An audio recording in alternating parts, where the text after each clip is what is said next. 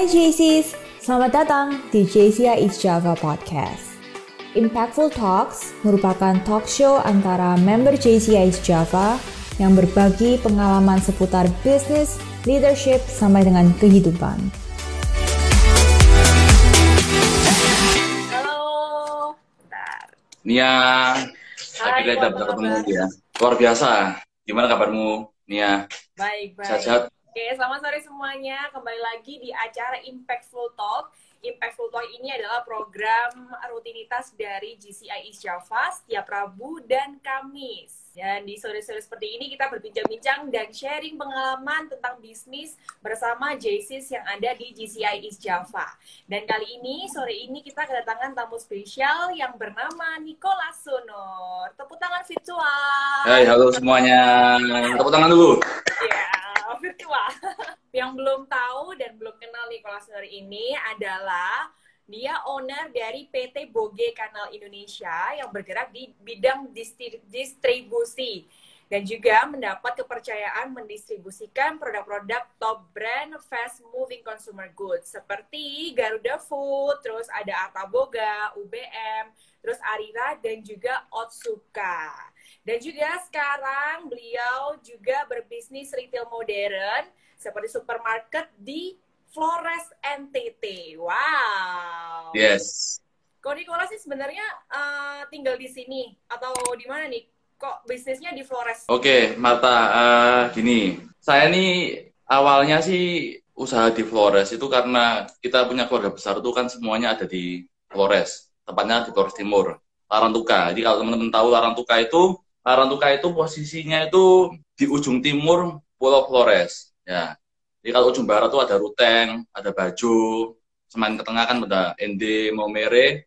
Nah, saya yang ujung timur, Flores. Nah, kebetulan saya juga bener rata Marta dapat kepercayaan nih dari beberapa prinsipal untuk megang-megang brand-brand seperti yang bisa teman-teman makan ya. Ada Tenggo, Tenggo itu produknya Arta Boga. Tenggo, UC 1000, Fulo Fulo, Baterai ABC, Sikat Gigi, eh, Formula.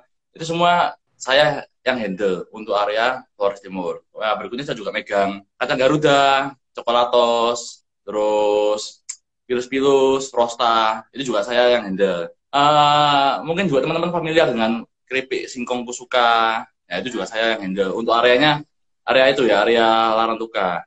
Jadi, saya kebetulan juga eh, menghandle beberapa item tersebut untuk distribusi di area-area yang itu yang yang saya yang saya miliki. Terus seiring jalannya waktu, saya juga berbisnis uh, retail. Saya bikin supermarket. Nah, letak letaknya tuh di pulau seberangnya Larantuka. Jadi di Pulau Adanara namanya. Adanara ini pulau ke- pulau kecil yang yang juga jarang orang dengar ya. Jadi uh, ini pulau kecil, kotanya kecil, banyak orang nanya, Niko, udah ada listrik belum? Udah ada air belum? Jadi saking saking orang-orang jarang dengar ya. Orang-orang sampai penasaran tuh, jalannya sudah rata belum? Sudah ada sudah udah udah di hot mix belum? Listriknya sering mati-mati ya ataupun biasanya bener loh ini kadang saya tuh Enggak sih, eh, kota saya ini tidak terlalu se sekampung itu ya, tapi memang benar, kita memang ketinggalan. Mall belum ada, sama belum ada. Cuma sekarang semakin ke sini, kita semakin maju loh. Nah, saya juga jadi supermarket pertama yang ada di eh, Adunara, di Adunara di pulau kecil itu. Begitu. Halo, Bang Kevin. Welcome, welcome. Begitu nih, Marta. Jadi, Keren. penjelasan saya seperti itu ya. Nah, apalagi yang saya mau sharing ya. Jadi Halo. Mm-mm. Koko berarti udah di Surabaya itu netap berapa lama? saya dari kecil Surabaya, lahir Surabaya, SD Surabaya, SMP Surabaya, kuliah Surabaya. Saya baru berbisnis itu around 8-9 tahun lalu ya. Saya berbisnis eh, distribusi ini. Awalnya saya juga main main trading, main beras gitu, main jual beli beras ke Flores. Terus saya lihat peluang bahwa belum ada belum ada perusahaan distrib- distributor profesional ya yang handle distribusi secara secara, secara profesional. Yang ada itu eh, toko-toko grosir yang juga eh, nyambi jadi distributor. Tapi yang murni distributor belum ada. Nah, jadi saya saya lihat peluang peluang seperti itu saya baru ambil gitu Marta.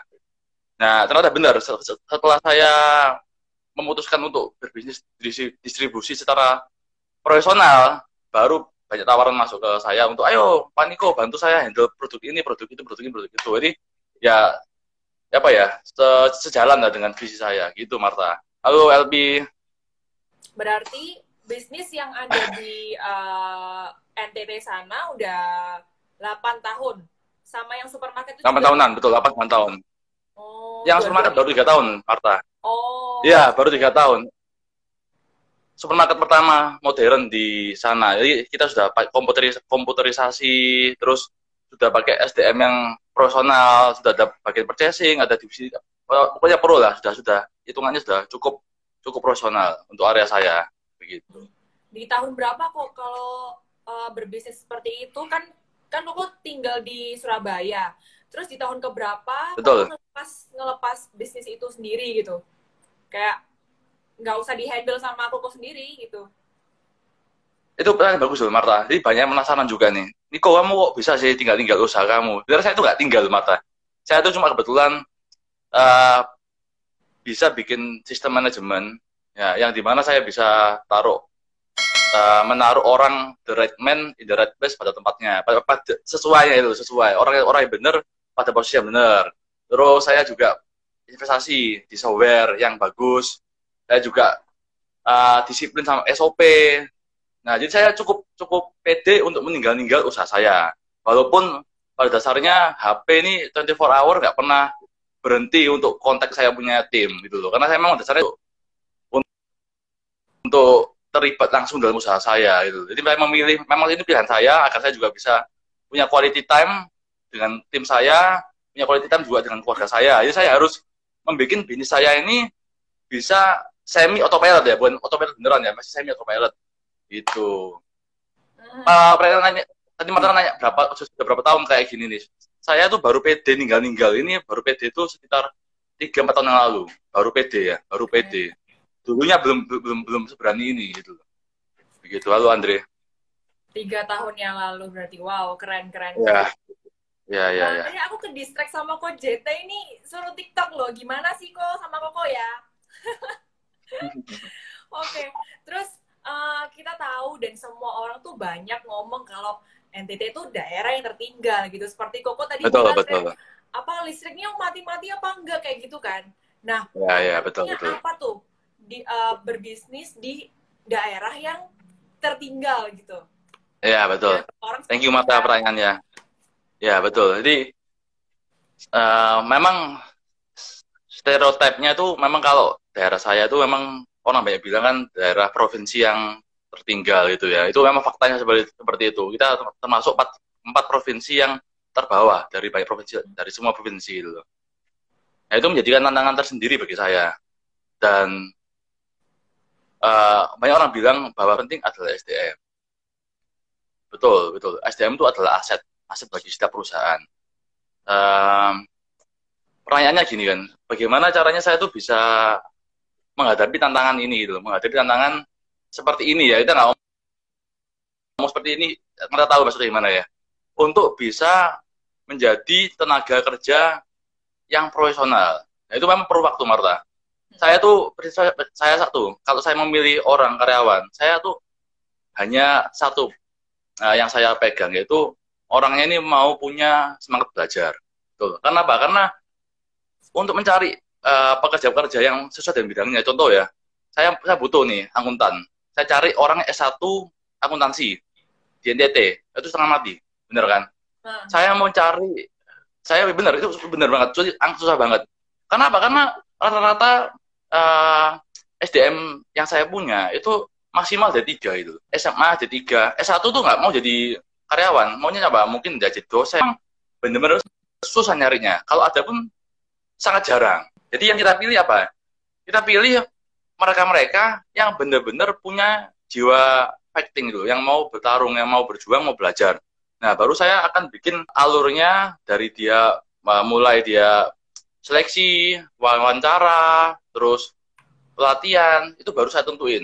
Nah, saya setting sehingga nanti ketika mereka di lapangan, sudah siap. Saya bahkan bikin modul-modulnya bagaimana kamu tuh jika ditolak, kamu ketika, ketemu, ini ngomong salesman ya, apa ya, saya bikin modul-modulnya untuk menghadapi perayaan. Saya bikin simulasi, ayo kita simulasi yuk. Jika gini bagaimana, jika itu bagaimana. Jadi dia ini sudah siap untuk di, lapangan gitu loh. Banyak orang-orang saya SDM Flores itu orang-orang identik dengan orang-orang yang emosional ya kan. Bisa gitu kan. Emosi itu orang emosi ya apa apa identik dan kasar. Tapi enggak sebenarnya orang-orang kita itu bukan orang-orang yang yang kasar enggak enggak enggak gitu juga gitu. Orang-orang kita ini orang Flores ini adalah orang-orang yang yang semangat dulu, yang yang semangat betul-betul semangat. Cuma mereka tuh bingung caranya untuk menyampaikan perasaannya itu nih ya. Nah, kalau kita bisa mengontrol mereka punya emosi, kita bisa kendalikan, kita bisa tiap hari kita kasih masukan tentang pembentukan karakter, mindset, itu SDM, SDM kita di mana pun pasti baik. Ya itu, paham. Yang berikutnya juga sama sih. Baik di Surabaya, Jakarta, kota besar mana pun, itu juga sama-sama memiliki tantangan dalam SDM dengan level yang beda-beda ya, benar ya. Saya kan kalau misalnya di NTT itu tantangannya begini. Surabaya tantangannya begitu. Jadi setiap SDM itu punya tantangan masing-masing. Nah, kalau dari saya tantangannya adalah membentuk manusia-manusia SDM-SDM ini yang niat belajar ini, yang punya semangat ini, kita arahkan, kita bina, kita bimbing agar mereka ini bisa menjadi orang yang lebih baik. Uh, boleh sharing nggak yang pas Koko cari kayak pegawai di sana itu gimana? Berapa lama? Terus gimana susahnya? Saya itu terus terang ya, cari karyawan tuh nggak nggak nggak terlalu susah di tempat saya. Kenapa? Karena kan kalau kerja di Boge itu orang-orang tuh bukan sombong ya. Mereka cukup bangga gitu loh. Mereka cukup bangga.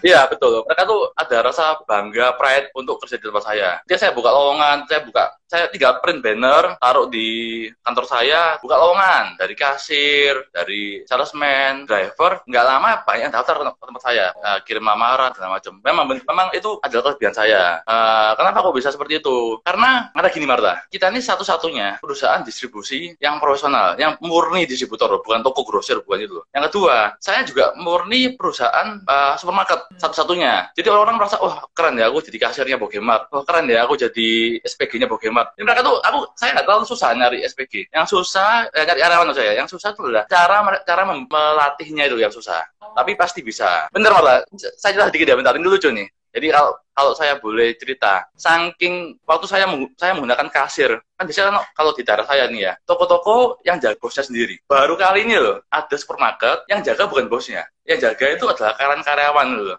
Eh, Niko, kamu gila ya, berani banget. Oh, enggak, bukan berani. Saya bukan berani sama manusianya. Tapi karena saya tuh sudah create sistem yang bisa menjaga, bisa melindungi, dan juga bisa mengembangkan pribadi masing-masing. Itu doang sih, Marta. Kayak kalau misalnya ada karyawan masuk ya, udah resmi jadi karyawannya kok gitu. Itu ada trainingnya hmm. berapa lama atau memang dikasih modul aja gitu? Seperti biasa ya, Marta. Uh, kita kan, waktu saya, dari awal Marta ya, saya ini bikin perayaan tuh aneh-aneh gitu loh. Aneh-aneh gini contoh. Contoh contoh yang gampang ini. Saya ini kan pengen tahu karakternya dia kan. Kalau soal pendidikannya kan saya nggak nomor sekian. Karena saya ingin tahu dia punya kemampuan dia berpikir kemampuan dia punya komunikasi kemampuan dia untuk mau beradaptasi. Saya bikin uh, tes kuesioner itu loh tes kuesioner yang isinya itu pertanyaannya aneh-aneh. Contoh gini loh, contoh ya mata contoh toh. Satu kilo besi sama satu kilo kapas, mana yang lebih berat? Okay. Sebenarnya kan sama kan, karena satu sama satu kilo kan. Tapi banyak-banyak kita ini gara-gara saking tegangnya ya untuk ngisi jawaban loh. Jawabannya apa? Satu kilo besi. Pasti begitu itu loh. Nah, tapi begitu saya tanyain loh, kenapa kok kamu jawab satu kilo besi? Saya tanya dia, saya gali-gali gitu, saya gali-gali dia bilang, aduh pak, sebenarnya saya tuh juga bingung mbak. Karena harusnya kan sama pak ya, sama kamu kenapa kok tegang? Terus saya ceritain ya pak karena dulu pak sama gini gini gini gini. Oh yang penting kamu tahu yang penting dia tahu jujurnya di mana salahnya di mana. Baru saya tuh yakin bahwa dia ini oh ini orang yang benar itu loh. Berikutnya tadi mereka apa dia? Oh ya. Kita selalu pakai terapan gini. Tiga bulan pertama itu kita masih training Marta hmm. nah, kita training mereka apa masih dalam tahap tahap PDKT lah ya tahap PDKT saya mau kenal kamu, kamu mau kenal saya. Nah, dalam tiga bulan ini saya dalam tiga bulan ini saya bisa menilai, oh saya cocok gak ya sama si, saya cocok gak ya sama si Anthony gitu loh. Demikian juga dengan mereka, mereka juga bisa melihat saya, aku cocok gak ya kerja di sini ya, cocok gak ya sama bosnya ya. Jadi tahap-tahap saling kenalan dulu ya. Nah, tiga bulan ini itu sangat menentukan bagi saya. Saya tahu dia ini suka terlambat, suka bohong, ataupun ternyata rajin banget, perfeksionis, segala macam. Nah, tiga bulan ini itu saya akan tempa mereka kayak ospek gitu, kayak kayak bener-bener di sebuah sistem yang harus memaksa mereka untuk jadi uh, apa ya, mengikuti ritme yang Bogi punya. Nah, sering kali tiga bulan ini itu yang fase-fase yang paling berat bagi mereka. Banyak juga yang kena seleksi alam. Nah, tapi setelah masuk masuk uh, bulan 4, bulan 5, bulan 6, nah itu sudah enak mereka ikut polanya kita. Dan juga nggak sedikit juga loh, Marta. Nggak uh, sedikit juga, mereka-mereka ini ternyata juga nggak cocok sama saya. Gitu loh. Mungkin gara-gara aturannya yang yang apa ya, aturannya yang terlalu kaku lah. Karena memang aturan tuh harus dibikin kaku gitu loh. Kalau nggak kaku nanti nggak bisa apa kita nggak bisa mudah untuk kendalikan. Nah, mereka-mereka ini kan kebiasaan apa ya di rumah mereka ini kan orang bilang karena PDW gitu loh ya sekarang ini kalau mereka masuk di perusahaan saya ikuti aturan banyak juga yang nggak nggak sanggup gitu Marta. Oh wow, seru juga ya. ya lumayan Marta, ini memang tantangan sih, struggling saya di sana sih di SDM. Iya iya. Terus uh, Ko Niko, ada nggak sih ya. motivasi dalam bisnis? Ada nggak sosok yang menginspirasi Koko jadi pebisnis seperti sekarang? Uh, yang motivasi saya dalam bisnis tuh sebenarnya tuh ketika saya ketika saya tuh di Boge ini ya Marta ya. Sebelumnya saya ini ikut-ikutan tren juga sih orang-orang ini kan ber ber berwirausaha rame-rame ya. Saya itu juga ada minat sebenarnya. Tapi bukan bukan motivasi yang begitu kuat loh ya belum belum menjadi goal saya yang begitu mendorong saya untuk saya tuh bisa jadi kayak sekarang bukan tapi ketika saya lihat saya ini membuka lapangan pekerjaan bagi orang orang yang dulunya tuh nggak bisa uh, dipercaya orang gitu loh orang-orang yang dulu nggak bisa megang laptop, orang nggak bisa uh, apa mengendalikan komputer. Saya bisa latih mereka, terus mereka jadi pinter, mereka berjadi jadi berhasil, memberikan memberikan berkat bagi keluarganya. Itu saya langsung uh, apa ya, langsung jadi motivasi motivasi saya, Marta itu. Hmm. Karena waktu mereka itu bilang, Pak, Pak Niko, terima kasih Pak ya, saya sekarang sudah bisa akuntansi. Saya harapan Niko Pak, saya yang dulunya nggak punya motor, sekarang naik motor. Itu yang menggerakkan saya, Marta, sampai hari ini karena dulu saya cuma sama kayak anak muda lainnya ya. Saya tuh murni berberusaha tuh mau cari duit. Bener-bener maunya tuh apa ya rakus dengan uang gitu loh. Tapi sambil jalan cuan, iya cuan-cuan. Tapi sambil jalan motivasi akan uang tuh jadinya kesekian dulu gitu. yang yang, yang benar-benar bisa membuat saya tuh bangkit dari ranjang hmm. untuk bekerja itu ternyata bukan uang gitu loh. Dan saya rasa teman-teman di JCI juga sama gitu ya kenapa kok mereka ini teman JCI ini mau untuk ikut komunitas mau untuk terus belajar? Ya gara-gara saya yakin motivasi mereka berbisnis itu bukan cuma uang gitu loh. Ada hal yang something bigger daripada money loh. Berikutnya apa yang membuat saya ini siapa mentor saya? Itu papa saya. Ya, uh, papa saya ini yang mentor saya, yang benar-benar jadi panutan saya. Kenapa kok begitu? Karena selagi kita berbisnis dari nol ya, ini bisnis dari nol, ya tentu saja tuh nggak nggak ada hal yang mudah. Semua serba susah dari permodalan. Kita nggak kita ini nggak punya gudang, awalnya ya kita punya gudang sama-sama nggak ngerti caranya rekrut orang. Oh iya saya ini saya ini bisnis sama papa saya berdua sama-sama mulai dari nol gitu. jadi bener-bener ayo pak bareng-bareng kita bisnis dari nol dari nggak ada apa-apa kita bangun bareng-bareng. Jadi serunya di sana gitu Marta. Itu benar-benar kita tuh cari tanta apa ya tantangannya banyak banget. Tapi cara papa saya untuk handling masalah itu super keren menurut saya. Jadi caranya kita dapatin modal caranya kita dapatin trust dari prinsipal dari pabrik untuk untuk megang barangnya itu benar-benar sebuah keteladanan bagi saya ya. Gitu loh. Kita juga saya kemarin sempat uh, dapat penawaran dulu gitu untuk untuk masukin barang tertentu ya. Barang tertentu saya barang tertentu itu bukan berarti ilegal bukan legal cuma tidak sesuai dengan prinsip saya gitu loh.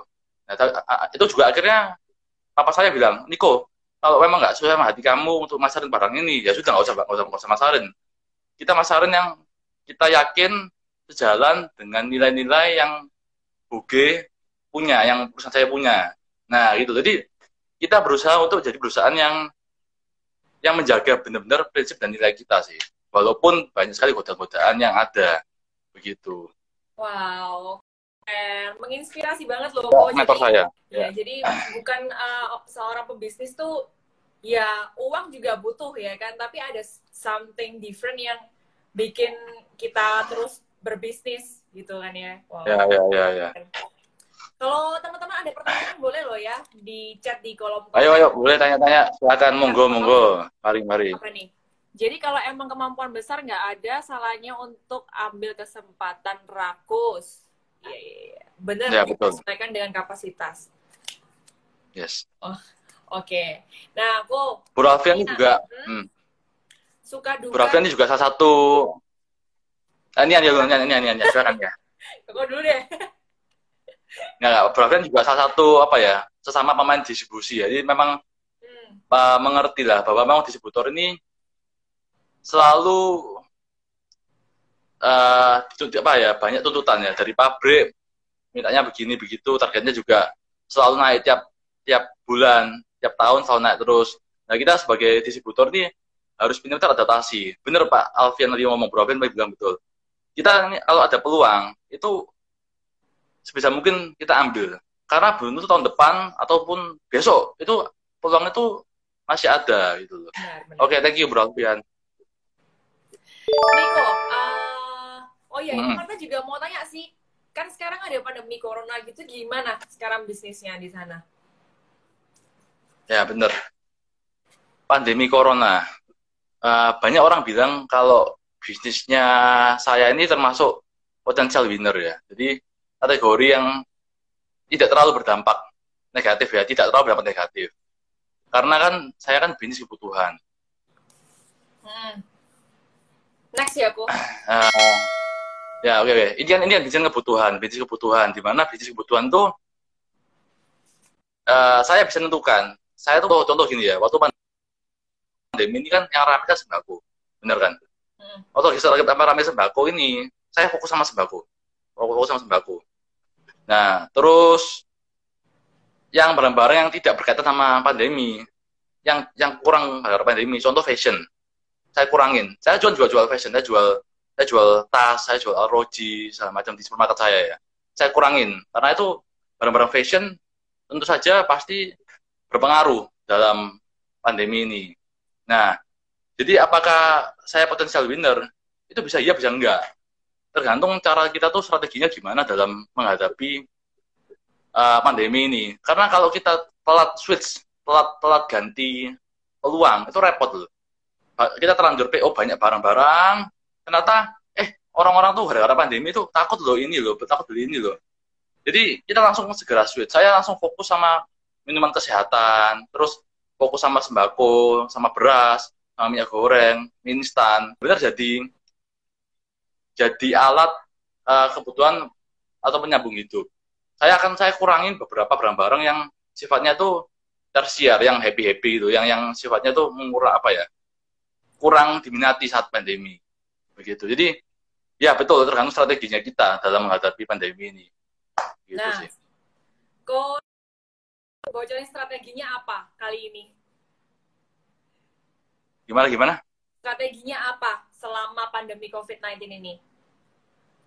Pandemi saya eh, strateginya gini, kalau saya, saya tuh kan pakai database ya.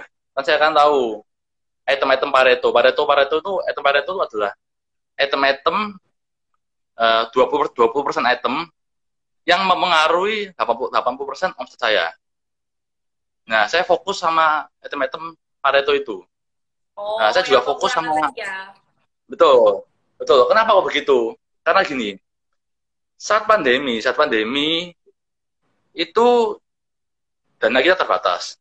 Tenaga terbatas, waktu terbatas, kan ada PSBB sama macam Kita harus pinter-pinter memilih item-item mana yang menyumbang yang menyumbang eh, omset paling besar bagi perusahaan kita. Nah, kalau kita kalau kita fokus sama semua semua item itu kewalahan sendiri gitu loh. Terus banyak itemnya kewalahan sendiri. Nah kedua, saya juga saya juga nggak apa fokus sama pelanggan-pelanggan saya yang Pareto, yang benar-benar pelanggan-pelanggan ini memberikan saya omset terbesar. Nah, kenapa begitu? Karena terus terang, eh, Marta, kalau kita melayani semua pelanggan, kita pasti juga akan kewalahan, gitu loh. Satu sisi belum lagi ada piutang yang tersendat, ya kan, tagihannya tersendat, belum lagi ada barang-barang yang expired. Itu akan jadi sebuah problem sendiri di saat pandemi. Ya lain kalau situasi lagi bagus ya, situasi lagi, bagus, ekonomi lagi bagus, itu kita bisa rakus, serakah gitu loh. untuk ngambil barang, untuk untuk agresif. Ayo ambil barang, ambil barang. Terus kita jual barang juga maksa-maksa orang ambil barang. Tapi situasi yang kayak pandemi ini kita harus main cantik dulu. Kita harus bisa ritme PO-nya kita sesuaiin, barang-barang barang-barang apa saja yang kiranya nih pengaruhnya besar. Barang-barang mana yang kalau tidak ada pun itu nggak pengaruh. Nah, pelanggan-pelanggan mana yang bayarnya enak, lancar, wah pelanggan mana yang kalau ngambilnya cuma dikit-dikit doang tapi ceritanya minta ampun itu juga ada. Jadi kita harus kita harus benar-benar seleksi ketat dua hal itu. Satu uh, barang atau jasa yang kita jual. Kedua pelanggan-pelanggan juga kita harus pilih yang benar-benar bagus itu itu doang sih kalau saya dagang ya dunia dagang ya begitu berarti bisa dibilang bisnis grocery itu ya menang dong kok ya kalau di pandemi COVID-19 ini. Maksudnya bisa jalan ya, kan? Betul. Masih jalan. Betul, Pak. Masih bisa jalan, betul. Masih bisa jalan. Tergantung strateginya kita ini ya. Kalau ya, kalau ya. tidak kayak apa, nggak sama kayak hotel. Kalau hotel kan, aduh pasti pusing tuh, setengah mati juga tuh. Mm-hmm. Begitu. Oke, ini ada yang nanya nih kok. Uh, sistem kasirnya pakai aplikasi apa? Boleh di-sharingkan nggak ini? Nanti aku DM ya. Aku tahu okay. aku DM. Oke, imas.sofi di DM sama Kuniko ya nanti ya. Oh iya, tadi pertanyaan chatnya belum belum dijawab. Gak bisa dimunculin lagi karena aku udah close. What is your why in life? Ko. What is your why in life? Apa faktormu? Saya gini nih ya, apa uh, Nadia. Nadia ini kan sama-sama uh, hobi belajar ya. Dalam dalam bisnis ini hal yang utama menjadi alat saya bisnis itu saya ingin benar-benar menjadi sesuai dengan nama PT saya ya. Boge Kanal Sejahtera. Boge itu artinya besar. Kanal itu saluran, channel channel ya. Sejahtera itu kan tahu sendiri ya kemakmuran. Jadi Boge adalah saluran dari kesejahteraan. Itu itu adalah nama perusahaan saya. Nah itu why saya kenapa saya ingin uh, berbisnis ya karena saya ingin itu mewujudkan uh, nama apa mewujudkan doa di balik nama PT saya itu nih ya. Itu yang itu yang menggerakkan saya sini ya untuk hmm. uh, benar-benar bisa berbisnis dengan cara yang ya cara yang benar itu loh, cara yang yang yang legal, cara-cara yang baik di mata dunia maupun maupun di atas itu sih.